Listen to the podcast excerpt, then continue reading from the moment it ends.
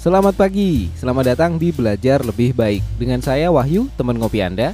Sedikit cerita, saat ini saya merintis usaha bersama keluarga tercinta Setelah hampir 20 tahun bekerja di perusahaan multinasional. Di episode-episode ini saya akan coba share hal-hal yang saya pelajari dan terapkan dalam membangun usaha. Termasuk juga suka dukanya, rintangannya, teknik apa yang bisa dicoba, dan referensi literatur yang menarik untuk dibaca. Semoga bermanfaat Meniti karir versus merintis usaha. Dari pengalaman hampir 20 tahun meniti karir alias jadi karyawan dan beberapa waktu belakangan ini full merintis usaha, saya bisa bilang dua-duanya baik. Tapi tentu saja ada beberapa perbedaan. Pertama, kita langsung aja. Untuk outfit, nah kalau karir atau kerja, itu kita punya seragam keren, punya sepatu dan name tag. Sementara kalau usaha, itu yang penting sopan dan proper. Kadang-kadang cuma pakai celana kargo sama sendal gunung sama kaos, udah cukup. Berikutnya, untuk jam kerja. Kalau karir, jam kerjanya itu jelas sesuai dengan PKB ya, cuman kadang memang mesti lembur. Tetapi untuk usaha, jamnya itu lebih fleksibel. Dan memang harus lebih sering lembur karena kita mesti nyiapin ini itu. Tapi mohon maaf, untuk karir saat ini belakangan dengan adanya WFH, saya sering dengar dari teman-teman jam kerjanya itu jadi semacam nggak jelas. Tapi mohon maaf saya nggak punya pengalaman di situ karena sudah keburu resign.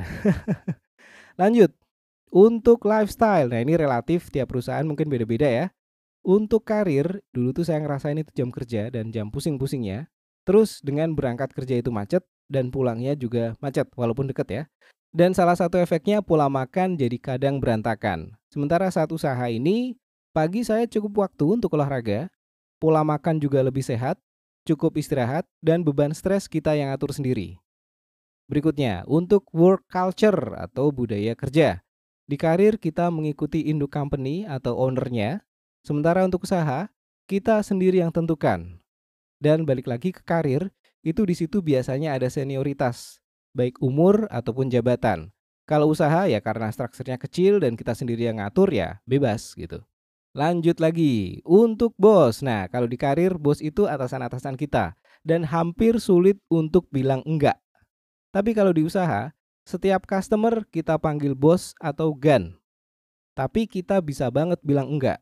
Misal, saat nawarnya berlebihan, atau maksa minta bonusan gitu, atau message malam-malam banget. Nah, bayangin, kalau misal customer message malam-malam, kita bisa mungkin ya jawabnya nantilah kalau misal waktunya udah appropriate. Tapi kalau bos ngontak kita malam-malam, berani jawab nanti-nanti.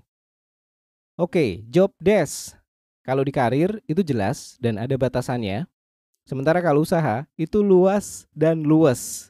Jadi kadang jadi lemes. Untuk action, nah kalau di karir ini sesuai arahan atasan. Atasan bilang ke A, A, ke B, B. Jangan bikin-bikin sendiri, oke? Nah kalau usaha itu kita yang atur sendiri. Berikutnya, decision making. Nah, kalau di karir ini kadang lama. Banyak pihak yang mesti dikonfirmasi. Kadang untuk minta perbaikan yang cuma butuh waktu 10 menit ya perbaikannya, itu mesti meeting 2 jam. Itu belum sama bikin papernya dan belum perjalanan ke lokasi untuk meeting dan ngobrol. Oke, lama ya. Nah, kalau usaha itu kita bisa cepat, bisa lincah, langsung aja handle. Untuk birokrasi, nah di karir Semakin gede aktivitas, maka semakin banyak yang terkait. Semakin berat juga birokrasinya. Contoh yang paling simpel deh, ngumpulin tanda tangan. Oh itu bisa lama itu. Untuk usaha, birokrasi, apaan tuh? Itu kayak kata yang asing untuk orang yang sedang merintis usaha. Birokrasinya bukan di kita coy. Birokrasinya ada di luar. Misal di supplier atau mungkin di government. Lanjut untuk resiko dalam pekerjaan. Nah, dalam perusahaan, kita bisa sebut adanya konsep weakest link. Sejago apa pun Anda, kerjaan Anda itu bisa bobol. Kalau ada proses terkait lain yang ngaco. Dan selemah apa pun performance Anda, Anda terlindungi oleh struktur. Jadi nggak harus nanggung losses atau tekor sendirian. Oke?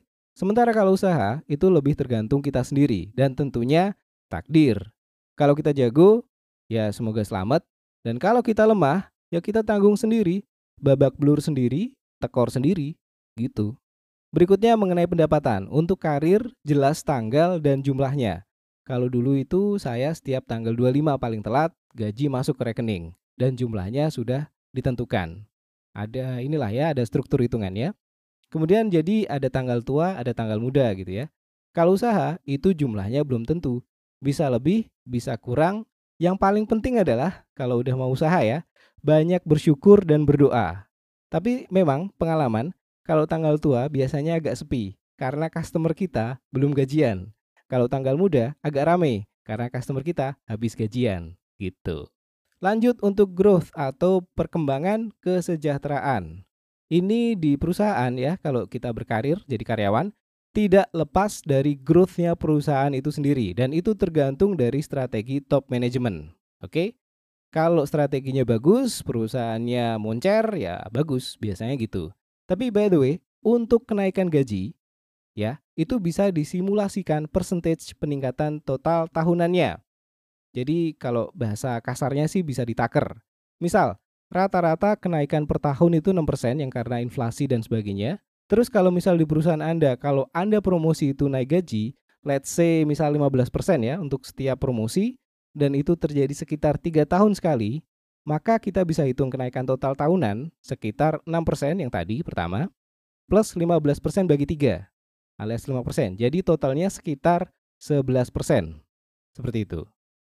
Kemudian kalau kita usaha, nah ini growth-nya usaha tergantung kita dan tentunya balik lagi takdir ya. Strategi kita sendiri yang atur. Saya sendiri pernah ngalamin peningkatan tahunan itu di atas 100% bisa. Jadi memang bisa jauh loncatnya.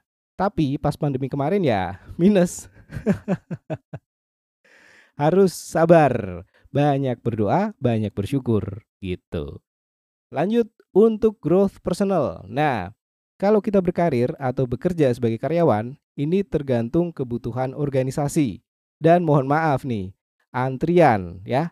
Kalau banyak senior yang ada di depan Anda, antriannya, realistis saja deh. Biasanya susah.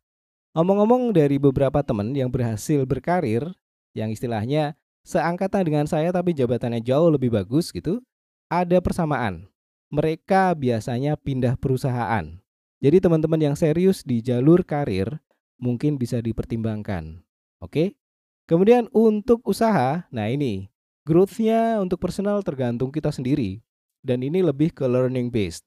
Jadi kita belajar hal baru itu growth buat kita. Kita belajar produk baru itu growth buat usaha kita. Dan kalau itu berhasil, itu bisa berujung peningkatan income-nya usaha. Yang artinya juga peningkatan income-nya kita gitu. Terakhir, mengenai jaminan. Kalau di perusahaan itu bagus, ada asuransi dan ada dana pensiun yang ngurusin perusahaan. Enak ya? Nah, kalau usaha sendiri itu asuransi kita yang ngurus sendiri. Tapi tenang, bisa kok pakai auto debit. Kemudian untuk tabungan hari tua itu juga kita nabung sendiri. Jadi ya, memang beda. Jadi memang masing-masing ada plus minusnya seperti tadi yang saya ceritakan. Nah, Tergantung balik lagi ke teman-teman, mau pola S karyawan atau mau pola S wirausahawan. Sama-sama baik, tapi memang ada yang beda. Oke, itu saja. Semoga cukup menggambarkan. Sampai ketemu di episode berikutnya. Bye.